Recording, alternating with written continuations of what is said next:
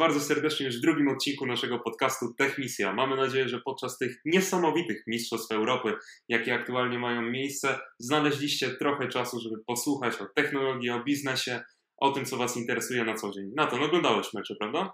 E, no tak, nie za bardzo, nie jestem największym fanem.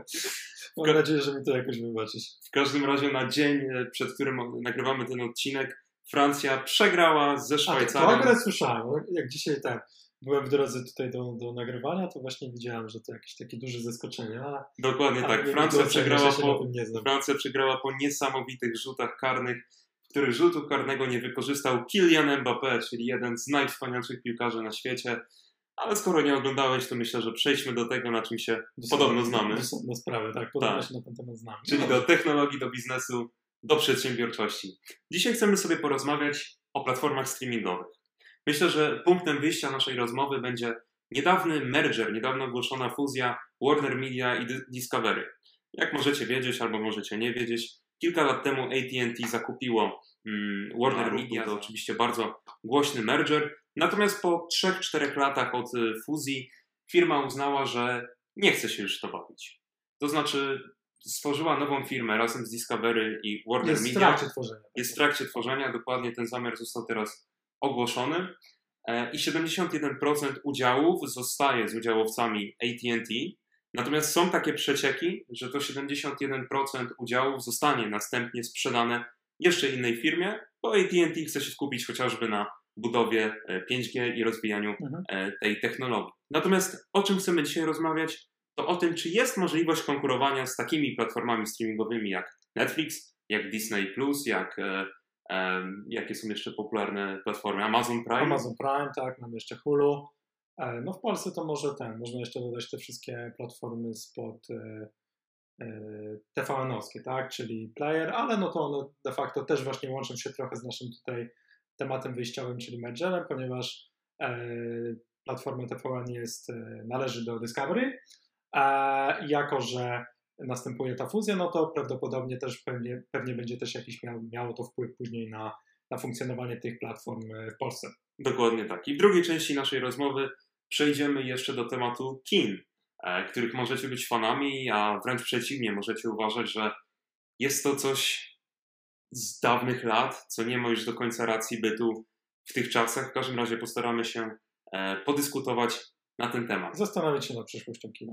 Jak najbardziej. Dobrze, zacznijmy w takim razie od, od planowanej fuzji e, Warner Media i Discovery. Czy widzisz to jako atak na największe platformy streamingowe? Jest to może pytanie retoryczne, ale jak, jak ty postrzegasz Nie jest to atak, jest to po prostu odpowiedź na to, co się dzieje w ostatnich czasach. Wszyscy są świadomi tego, że e, jest potrzeba wejścia w ten rynek branży internetowej, e, branży streamingowej, tak, ponieważ no większość, szczególnie teraz, jak większość ludzi czasu spędza w domu, jest ta potrzeba, żeby na oglądanie po prostu większej ilości e, kontentu filmowego, ale też serialowego, tak? E, no i po prostu połączenie tych dwóch firm da im, że tak powiem, większe pole manewru. Będą mieli zarówno kanały właśnie jakieś newsy typu CNN, będą mieli cały, całą platformę HBO, który jak wiemy słyną z wielu różnych dobrych seriali. Dochodzi też do tego właśnie cała też strona kanału dla dzieci typu Cartoon Network, jak i też E, kanały sportowe, czyli Eurosport. Oraz oczywiście produkcje dokumentalne, przyrodnicze, co jest specjalnością. Tak, dokładnie. Jest też pewna nisza, nisza, grupa ludzi, która wciąż to lubi oglądać. Ale właśnie nawiązując jeszcze do tego, co, co Michał na początku powiedział, to właśnie e, krąży taka plotka, że ma nastąpić od razu, e, że AT&T tak naprawdę planuje sprzedać e, swoje udziały później e, w tym, no, tej nowej spółce, która ma powstać.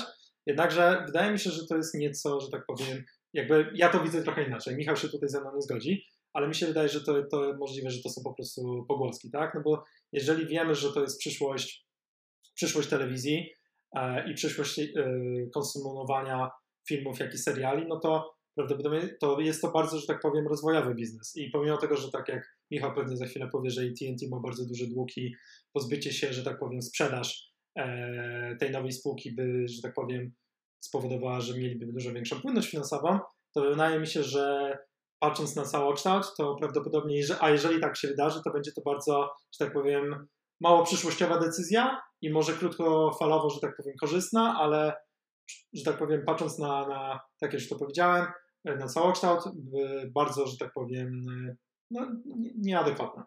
Znaczy ja z Zlatanem mogę się zgodzić w jednej kwestii. Mogę się zgodzić z tym, że się nie zgodzę z tym, co przed chwilą powiedział. Okay.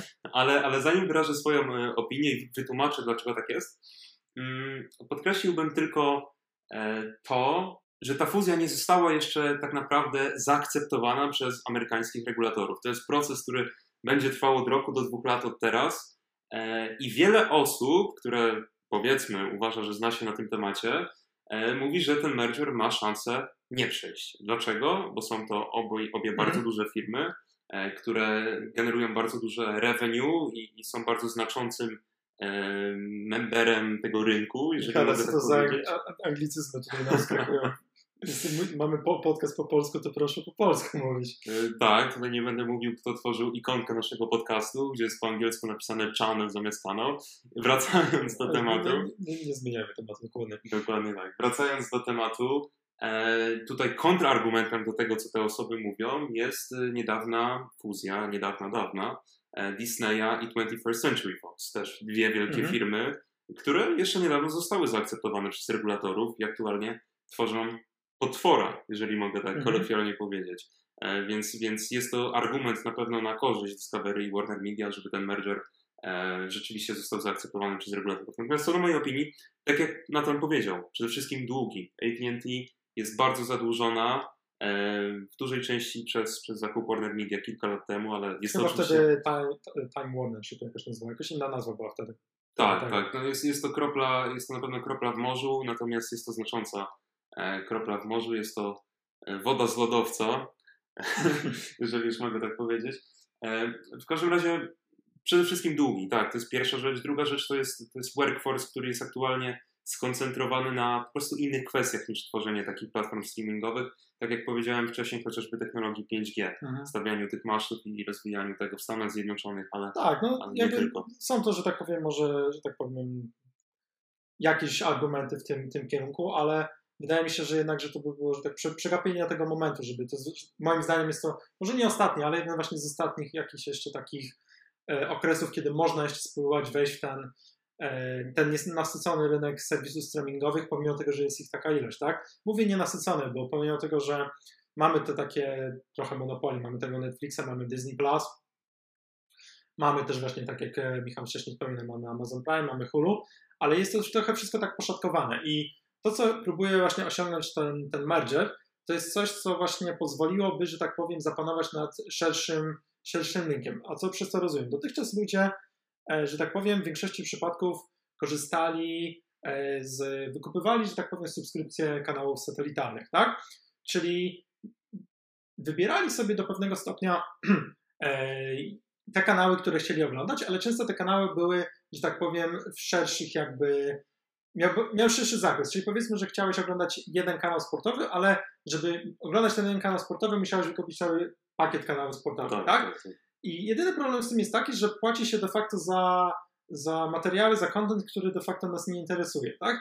I to, co rozwiązują właśnie te platformy streamingowe, co jest właśnie, co powoduje też, że są takie popularne, to jest to, że za mniejszą cenę dostajemy materiały, które dużo bardziej nam się podobają i które bardziej trafiają w nasze gusta. A to, co właśnie jeszcze Warner chce zrobić, to jest to, że nie dość, że będzie ta możliwość wyboru i będzie bardzo duża, bardzo szeroka gama e, filmów, jak i seriali i wszystkich innych materiałów, to też będzie po prostu ta możliwość wyboru z, z, każdego rejonu, że tak powiem, telewizji, tak? I to jest to, czego na przykład Netflix będzie miał pewnie problem z osiągnięciem, bo pomimo tego, że ma szeroką ofertę, tak? No ale na przykład Netflix w ogóle nie istnieje w sferze sportowej nie ma, nie ma żadnych materiałów w tej kwestii, pomijając może jakieś pojedyncze filmy. A tutaj, tutaj się nie zgodzę, no? ale, ale dokończ proszę. Bo... Nie, ale to, to, to tyle, co chciałem. Tak, do, dokładnie. To i na końcu powiedziałeś to, co chciałem. Chciałem powiedzieć o dokumentach. Mm -hmm. Chociażby wspaniałe dokumenty. Prawda, Ostatnio o Michaelu Jordanie, mm -hmm. oczywiście Last, Last Dance, e, czy, czy o piłce nożnej w Stanach, czy o Formule 1. Tak naprawdę te ostatnie dokumenty o Formule 1 to jest to, co mnie zainteresowało tym, tym sportem, mm -hmm. mogę tak powiedzieć. Zawsze postrzegałem to jako, jako ciekawe zjawisko technologiczne, ale niekoniecznie sport, który mnie emocjonował, a ten dokument akurat bardzo mnie zachęcił. niemniej no. jednak w pełni się z Tobą zgadzam z tym, że, że czasami zdarza się tak, że są materiały, które nas interesują, a musimy kupić ca cały abonament, żeby, żeby to oglądać. Tak, no jest to niefortunne. Tak, na przykład mnie zawsze fascynowało NBA, e, i też nie chcę powiedzieć fascynowała Ekstraklasa, bo ta, ta liga jest fatalna. E, natomiast lubiłem oglądać Ekstraklasę, szczególnie jakieś tutaj kluby, z którymi, e, które, za którymi przepadam. I żeby je oglądać, musiałbym kupić najpierw Kanal Plus, to znaczy mhm. czy NC Plus, czy w zależności od tego, kiedy to było, i potem dokupić jeszcze pakiet kanałów Kanal Plus, bo czasami one nie były w tym podstawowym pakiecie. A po co? Dlaczego nie mogłem sobie kupić po prostu pakietu Ekstraklasa, pakietu NBA, prawda? To jest, mhm. to jest właśnie to tak, jak, jak to funkcjonuje. Więc tutaj się z Tobą zgodzę, że lepiej jest inwestować po prostu w abonamenty, które nas interesują, zamiast wydawania większych pieniędzy na powiedzmy większe jakieś abonamenty, zbiory. Tak, no to jest właśnie główny, że tak powiem, czynnik, który spowodował taką, y, nastąpienie takiej popularyzacji tych serwisów streamingowych, że pomimo tego, że kiedyś był taki wielki boom na ściąganie wszystkiego z internetu. Był taki okres, kiedy wszyscy zaczęli ściągać muzykę, zaczęli ściągać filmy, kiedy, że tak powiem, jeszcze ta sfera, że tak powiem, to prawo też nie było super takie klarowne w zakresie tego, jak to można udostępniać, czy można to na własną, e, dla własnego użytku ściągać, ale przyszło, co się wydarzyło? No wydarzyło się to, co, co się może w każdej innej branży wydarzyć. Przyszedł po prostu ktoś z pomysłem, żeby ułatwić ludziom ten proces. Tak, co prawda za opłatą, jakąś opłatą, ale było to na tyle konkurencyjne, że ludzie stwierdzili, że nie chce im się już bawić ściąganie muzyki, filmu. To samo to, to teraz właśnie można podciągnąć po Spotify i Apple Music. Ludzie po prostu stwierdzili, że wolą mieć tą wygodę, komfort, dostęp na e, on demand w każdym możliwym czasie, w każdym miejscu na, na ziemi i po prostu, że tak powiem, przejęli część tego czarnego rynku, który no istniał i teraz też do jakiegoś stopnia tam istnieje, no ale już nie, nie, nie w, takiej, w takiej formie, jak to kiedyś było. Ja myślę, że tutaj poruszyłeś bardzo, bardzo ważny wątek i taki, o którym też chciałem potem na pewno wspomnieć, to znaczy przyjęcie tego, tego czarnego rynku, mhm. bo e, w tym momencie zapłacenie tych kilkudziesięciu złotych, nie pamiętam już ile kosztuje Netflix czy subskrypcja Amazon Prime, ale nie jest to więcej niż 30 Mniej na pewno złotych. niż zwykły abonament telewizyjny. E, tak, dokładnie. No, bardzo to ułatwia dostęp do materiałów y, dla, dla osób, które kiedyś korzystały z czarnego rynku i po prostu im się nie chce. Tak, im się po prostu nie chce. Człowiek jest wygodny. E, tak, człowiek jest osobą, e, która lubi wygodę. E, I tutaj dochodzimy do innych kwestii, i tutaj też będę miał do Ciebie w sumie pytanie. E, tych serwisów streamingowych jest dużo. Mhm.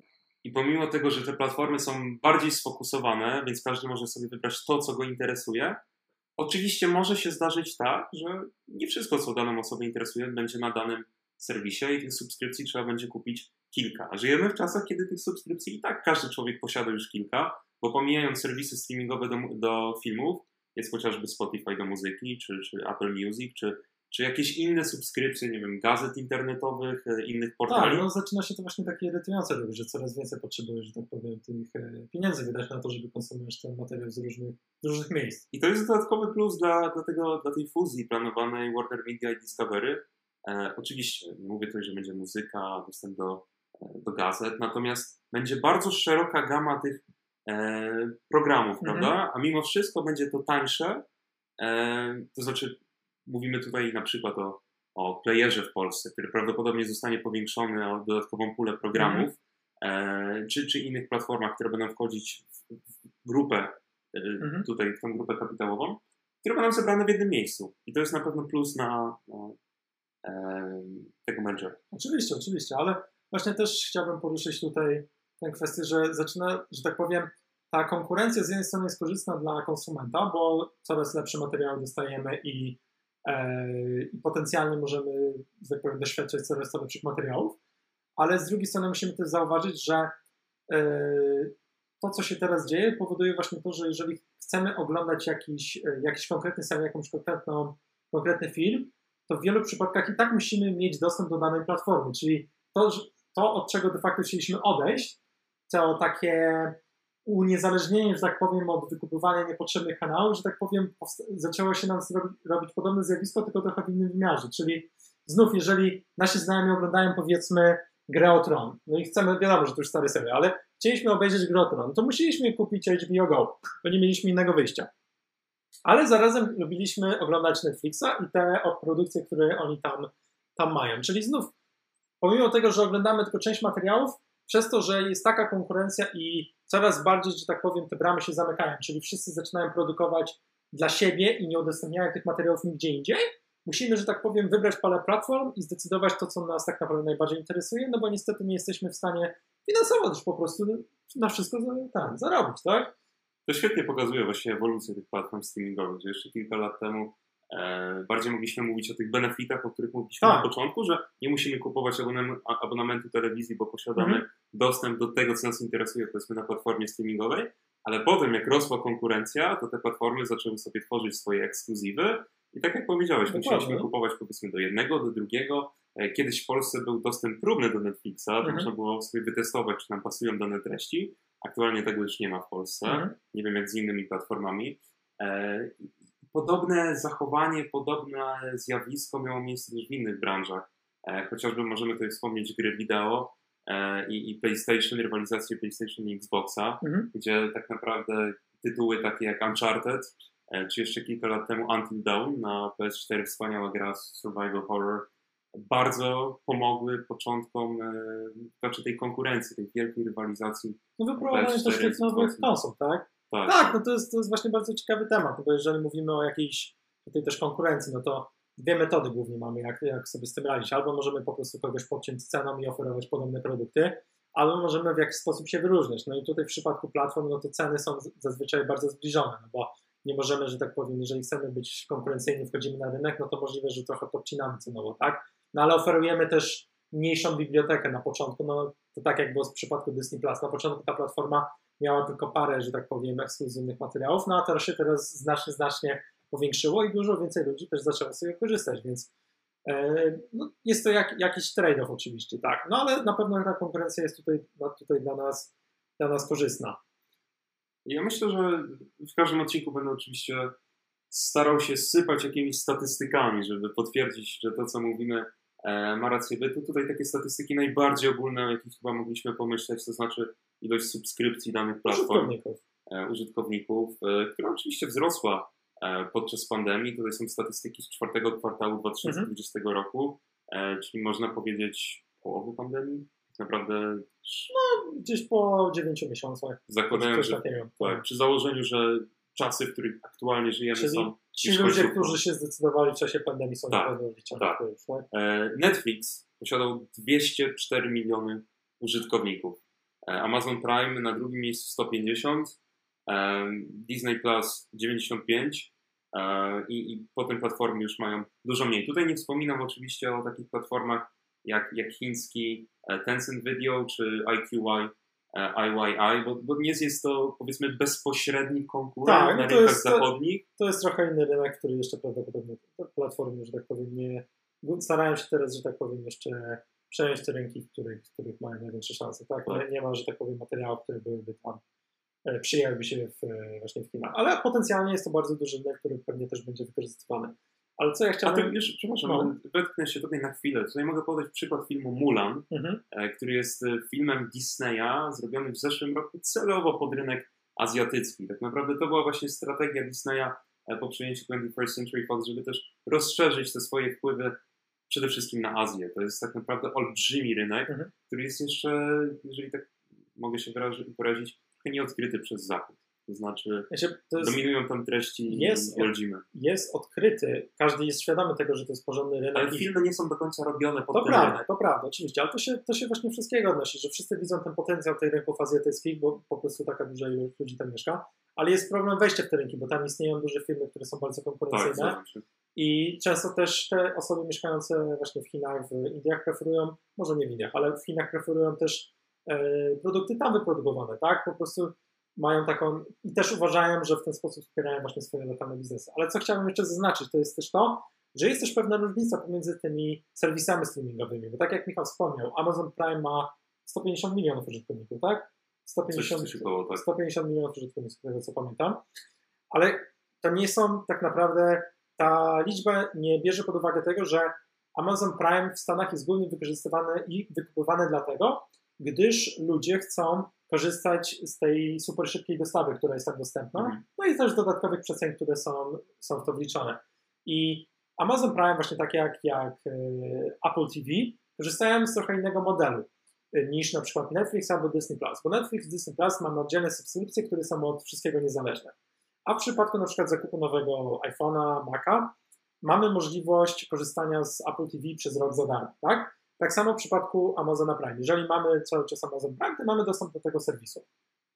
ale nie kupujemy tych produktów albo nie, nie, kupujemy, nie wykupujemy Amazon Prime dlatego, że głównie chcemy korzystać z tych serwisów streamingowych, tylko dla tych pozostałych korzyści, tak? I to pokazuje nam właśnie tę, tę różnicę, że jest kompletnie inne podejście, że Apple i Amazon próbują, że tak powiem, dawać jakiś taki, taki holistyczny trochę doświadczenie, że chcą tak, tak, tak. całe mieć, że ludzie po prostu wpadają w ten ekosystem tych ich produktów i przy okazji może skorzystają też z tego, tak? A w przypadku Netflixa i Disneya musi być, że tak powiem, ten content musi się naprawdę wyróżniać i musi być na wysokim poziomie, żeby ludzie aktywnie zdecydowali się, żeby je wykupić, tak? No bo jeżeli kupujemy iPhone'a, no i nie skorzystamy sobie z tego Apple TV, no to no nic się nie dzieje, tak? Możliwe, że tracą trochę pieniędzy na wyprodukowanie tych rzeczy, ale potencjalnie ktoś może się przekona i później możliwe, że już nie będzie takich, e, takich możliwości, żeby korzystać z tych serwisów na przykład przez jakiś czas za darmo, albo będą też na przykład e, oddzielnie jeszcze będą e, wykupywane.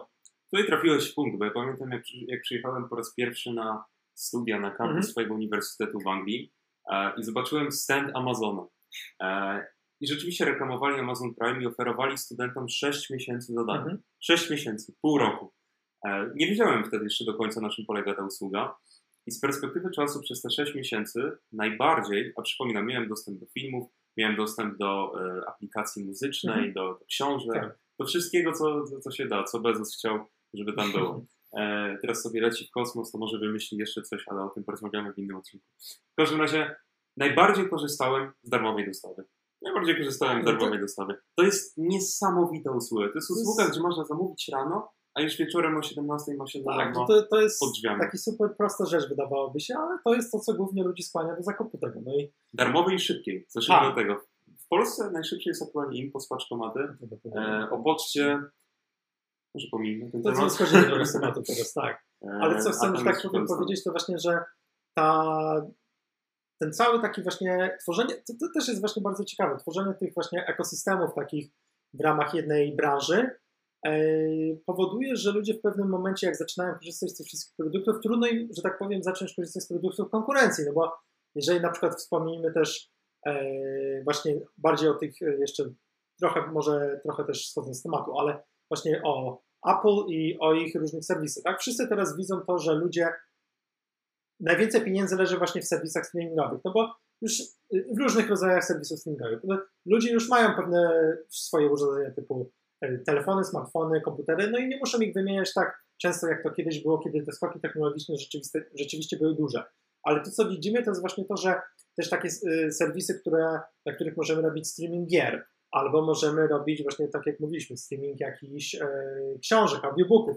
To wszystko zaczyna wciąż nabierać na na popularności. Prawdopodobnie e, w najbliższych, e, najbliższym czasie coraz więcej ludzi też będzie chciało, chciało z tego korzystać. Ale do czego zmierzam, to jest to, że właśnie kiedy ludzie zaczynają, że tak powiem, wpadać w ten ekosystem tych różnych, różnych branż, trudno po prostu im się z tego wydostać i de facto te firmy tworzą sobie własne takie monopolie małe. Tutaj jeszcze wrócę do tego, co przed chwilą mówiłeś, o różnicach w strategii biznesowych tych wszystkich mm -hmm. platform streamingowych. Mówiłeś tutaj o Amazonie, mówiłeś tutaj o e, Netflixie, że to są inne tak. strategie biznesowe. E, a porozmawiajmy o kontencie, o zawartości. Czy, mhm. czy, czy rzeczywiście widzisz duże różnice w kontencie Netflixa, powiedzmy, i Amazon Prime'a? Czy jednak te różnice się opierają na strategiach biznesowych? Ale zanim jeszcze, jeszcze e, dam Ci głos, chciałbym powiedzieć o swojej na przykład osobistej sytuacji. Ja zawsze subskrybowałem od długiego czasu Netflixa do treści bardziej powiedzmy mhm. rozrywkowych, do produkcji do seriali niesamowitych, takich jak Casa mm. de Papel, czy, e, czy, czy, czy, inne seriale takie oryginalne, powiedzmy, Stranger Things stworzone w przyszłości. Mm. E, I subskrybuję też od jakiegoś czasu portal Mubi. Nie wiem, czy kojarzysz portal Mubi. E, jest to portal z selekcjonowanymi filmami, głównie starszymi, z, mm. z lat, e, co znaczy z XX wieku po prostu. Znaczy z kontentem e, tworzonym i planowanym przez specjalistów po prostu, tak?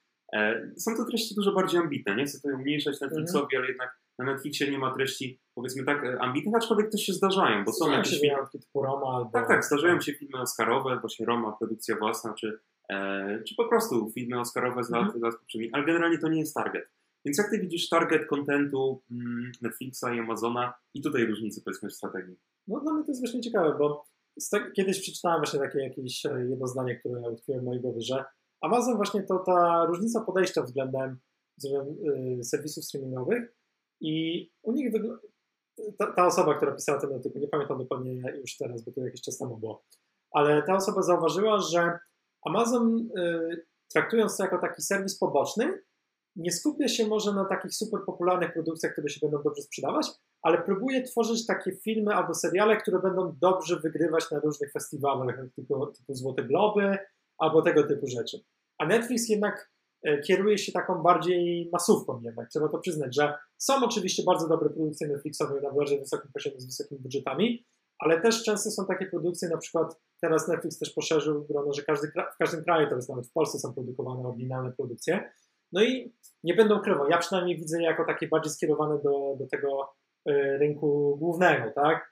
Czyli nie do jakichś takich super wysublimowanych odbiorców, tylko jednak no, do, żeby, że tak powiem, trafiało w gusta większości ludzi. I wydaje mi się, że ta zasada jednak sprawdza się dla większości ich, e, ich seriali, ich seriali i filmów, tak? Jest oczywiście takie seriale typu Stranger Things albo na przykład Irishman wyreżyserowany przez e, Martina Scorsese, no to jest na bardzo wysokiej jakości produkcja, e, bardzo wysokiej jakości produkcja, tak?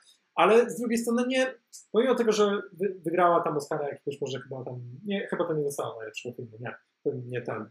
Który film? E, ta, e, no, e, Irishman. Nie, wydaje mi się, że nie. Nie, ale wygrała jakiegoś Oscara na pewno, nie? Wygrała jakieś nagrody i była powszechnie uznana. No ale był to film prawie trzygodzinny, no i że tak powiem, dla takiego przeciętnego oglądacza Netflixa, no nie była to najbardziej atrakcyjna, że tak powiem, oferta. Dobrze to wyglądało na papierze, że tak powiem, ale nie wydaje mi się, że to jest to, co głównie użytkownicy Netflixa, że tak powiem, chcą.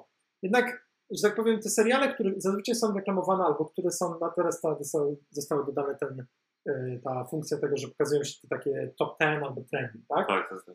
I często te takie produkcje, które królują na przykład w Polsce, no 365 dni? Nie chcę, nie chcę, tak, dokładnie, coś tego pokroju, nie chcę im ubliżać, ale no, no jest to takie trochę albo do zabicia czasu, albo dla odmurzenia, albo dla niektórych po prostu ten materiał, który im się po prostu podoba. Nie ma nic z tym złego, tak, ale, no, ale nie jest to taka wysublimowana, że tak powiem, e, grupa odbiorców, tak jak już mówiłem.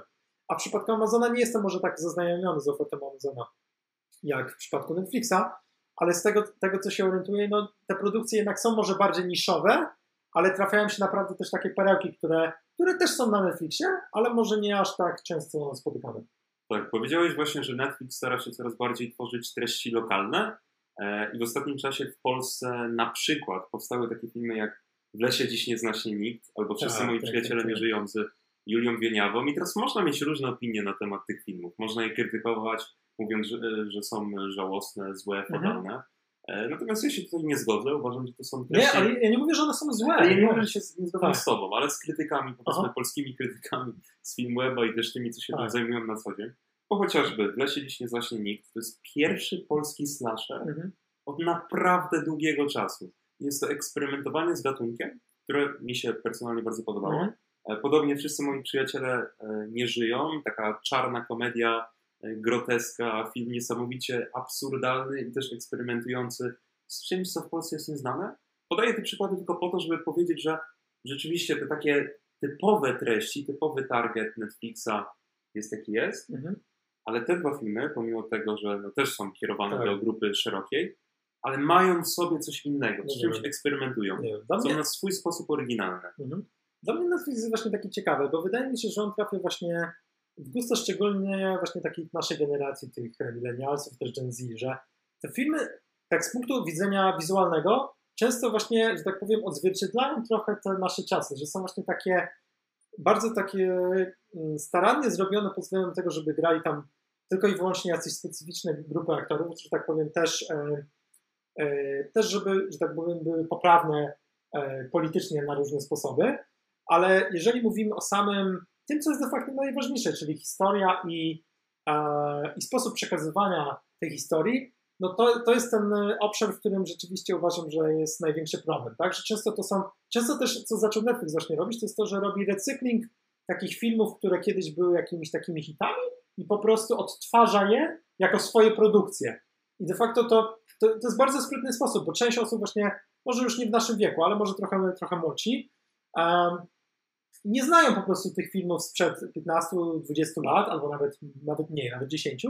I co, to, co Netflix robi, to po prostu e, sprytnie, że tak powiem, zmniejsza sobie koszty, bo kupuje te stare skrypty, może nawet nie kupuje, ale sugeruje się albo wykupuje sobie prawo do części, że tak powiem, tamtych materiałów, no i po prostu odtwarza to z nowymi, nowymi twarzami, trochę z nowymi e, aspektami wizualnymi, no i so far jakoś się to sprawdza. Zdecydowanie tak. Jeszcze bym dodał jedno. E, Netflix stara się być bardzo prawny politycznie. I na Netflixie znajduje się na przykład bardzo dużo treści dla środowiska LGBTQ. Mhm. E, dlaczego o tym mówię? Dlatego, że wydaje mi się, że takich treści mimo wszystko nie ma dużo na innych mhm. platformach. To znaczy, w tym momencie już się tak. to zwiększa, ale jeszcze jakiś czas temu Netflix mogę powiedzieć, że był pionierem w tym. Mhm. I jakby te osoby znajdowały te treści, powiedzmy, właśnie na tej stronie, na tej platformie, a na innych nie. I, I, czuli się po prostu tutaj, tutaj dobrze, czuli się tacy akceptowani i tak dalej. E, więc myślę, że to był też taki USP, taki unique selling point dla, dla Netflixa jeszcze niedawno. E, natomiast fajnie tutaj zauważyłeś, że, że, że też poszerzają jakieś e, starsze skrypty i, i starają się to rozwijać. W każdym razie ewoluują. Oni cały czas ewoluują. No, muszą, bo mają teraz konkurencję. Był moment, kiedy de facto byli bezkonkurencyjni i mogli robić sobie co chcą. No a teraz coraz więcej pieniędzy muszą wydawać na produkcję nowych seriali. No i, i prawdopodobnie to się nie zmieni.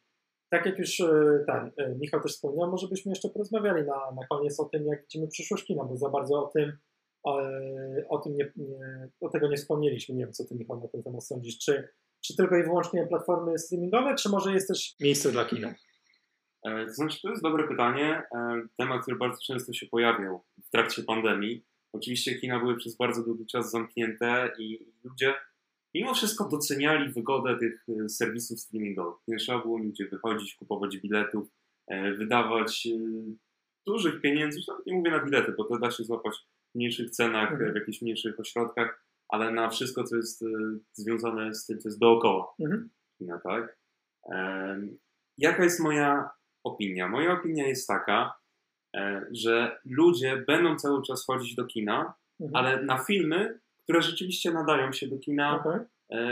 bo po prostu się inaczej odbiera w kinie niż w takim jakby settingu domowym. Mhm. I teraz jakie są przykłady takich filmów?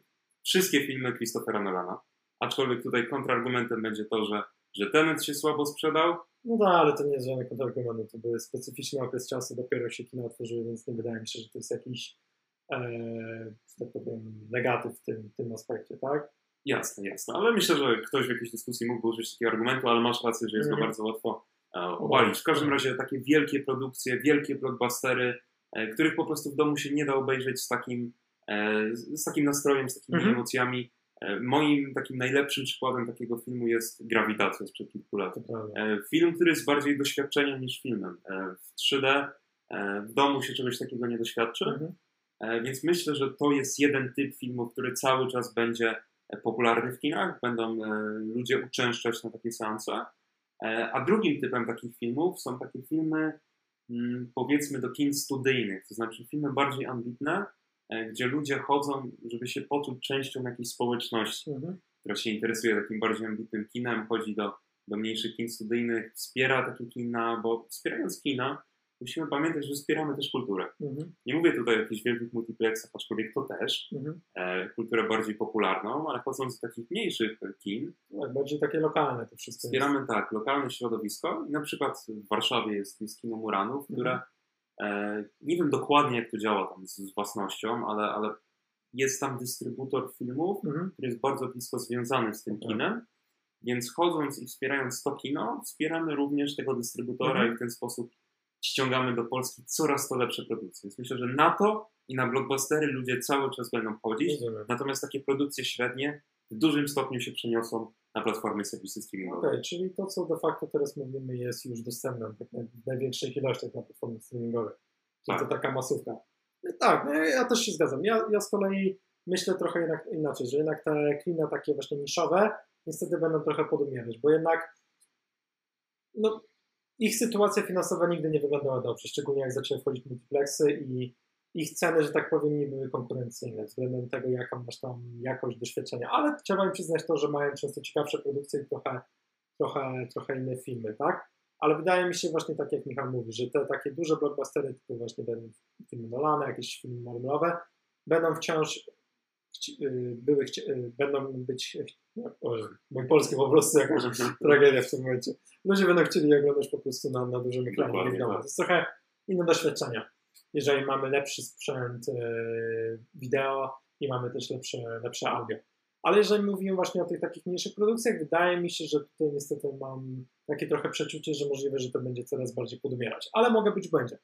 Na pewno, czego możemy być pewni, to jest to, że platformy streamingowe na pewno już do, w dużym stopniu zmieniły sposób, w jaki, w jaki e, oglądamy i konsumujemy e, filmy oraz seriale. Nie wiem, czy mi chcesz coś jeszcze dodać, ale wydaje tak, mi się, myślę, że... myślę, że jeszcze możemy tak, chwilę jeszcze porozmawiać, żeby, żeby nie zostawać e, z takim niedosytem, bo jest to mhm. szeroki temat.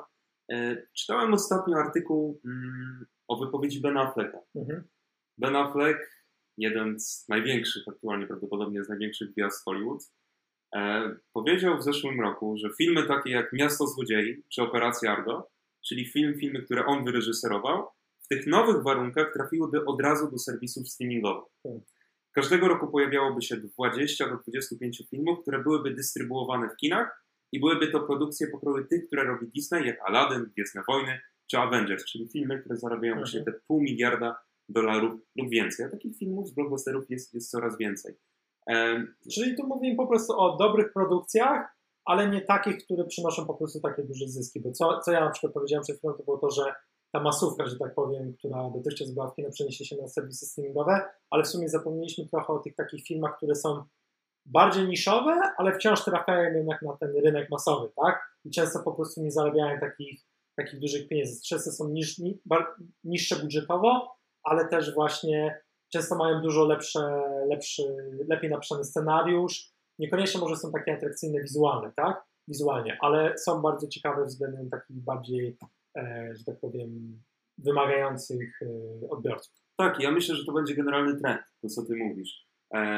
Ale, ale na przykład w sytuacji teraz pandemicznej film taki jak King Kong vs. Godzilla, mhm. olbrzymia produkcja, myślę, że w normalnych warunkach zarobiłby pieniądze e, może pod pół miliarda dolarów. To jest mhm. możliwe. E, został wydany w serwisach streamingowych, aczkolwiek jak on został wydany w serwisach streamingowych, to w Stanach Zjednoczonych wyszedł też do kin. Mhm. Bo wtedy było takie rozluźnienie już, już tych e, restrykcji w Stanach, po tym jak Joe Biden przejął prezydenturę i chciał troszkę zadbać o gospodarkę kraju, powiedzmy. E, było troszkę rozluźnienie, jeśli chodzi o restrykcje. Mm, a to jest film, który normalnie, wydaje mi się, poszedłby do kina. A, no pewnie tak, no wiesz, no, to tak jak w przypadku na przykład e, najnowszy Bond miał już wysze, wyjść tam e, dwa lata temu, o się nie mylę, myślę, że... prawie już dwa lata będą niedługo. No a wciąż nie jest e, ani dostępny na żadnej platformie streamingowej, ani w żadnym kinie, tak? No i tutaj w przypadku tego filmu to jest czysty przykład, tak, że oni wiedzą, że nie są w stanie zarobić, nawet jakby były, że tak powiem, negocjacje e, z tego, co się orientuje i czytałem zarówno z Netflixem, jak i z innymi platformami streamingowymi, żeby kupić ten film, ale żadna oferta ich, że tak powiem, nie satysfakcjonowała. Nawet jakby zapłacili im w rejonie 200 milionów, 250 milionów, to jest wciąż nic, co jest, oni są w stanie zarobić globalnie. Taki film jest w stanie zarobić spokojnie ponad miliard dolarów, jak nie więcej. I jeżeli są w stanie, że tak powiem, tak, wydali już dużo pieniędzy za ten film, ale są w stanie jeszcze trochę przeczekać, żeby jednak no, te plony zebrać takie, jak powinny być, a nie, że tak powiem, liczyć na to, że, że odrobią część strat na, na takich platformach streamingowych. Tutaj wydaje mi się, że też Apple był włączony do walki o prawo do tego filmu, więc e, masz rację, że była rzeczywiście walka o nie, mhm. no ale w końcu zdecydowali się tego nie robić, bo mogą zarobić, tak jak powiedziałeś, dużo więcej. Także co nam pozostaje? Pozostaje nam czekać, zobaczyć, jak będzie się rozwijać rynek serwisów streamingowych. E, w, jakiej, w jakim momencie zostanie wydany bond do kin i czy rzeczywiście ludzie będą chcieli wracać do kin, czy może jednak ta wygoda oferowana przez serwisy streamingowe przewyższy kinę. Bo nie pozostaje nic innego jak czekać i być bacznym, dobrym obserwatorem. Dokładnie, tak samo jak czekać i być bacznym obserwatorem na następny odcinek naszego wspaniałego podcastu. Mam nadzieję, że dzisiejsza rozmowa Wam się podobała. Michał, może jakieś ostatnie słowa? Dodałbym jeszcze, żebyście, tak, dodałbym, żebyście jeszcze odwiedzili e, nasze media społecznościowe, gdzie zaczęły pojawiać się pierwsze posty e, i myślę, że w ten sposób będziemy w stanie stworzyć fajną społeczność zainteresowaną technologią, biznesem, technologią i tym, o czym rozmawiamy. przedsiębiorczością, tym, o czym rozmawiamy. Możecie nam powiedzieć, co to sądzicie na ten temat. Jeśli zgadzacie się z nami albo się nie zgadzacie, po prostu napiszcie do nas. Dziękujemy Wam za wysłuchanie tego drugiego odcinku podcastu. Ja nazywam się Michał Gruchalski. Tutaj Natan Miodowski byli z Wami. Dzięki wielkie jeszcze raz i do usłyszenia. Do usłyszenia.